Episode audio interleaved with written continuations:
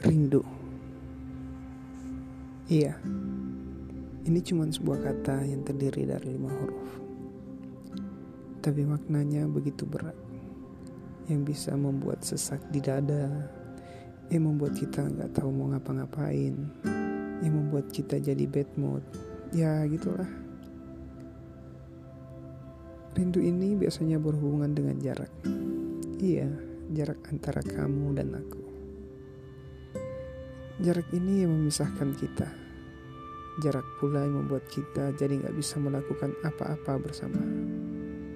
Jahat ya si jarak. Hmm.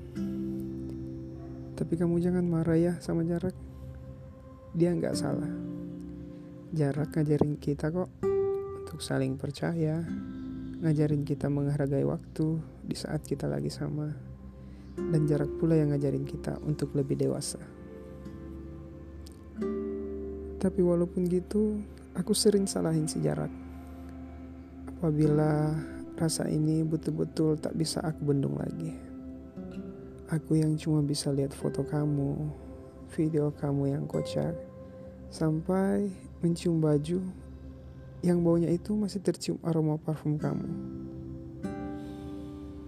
Hmm. Sayang, aku rindu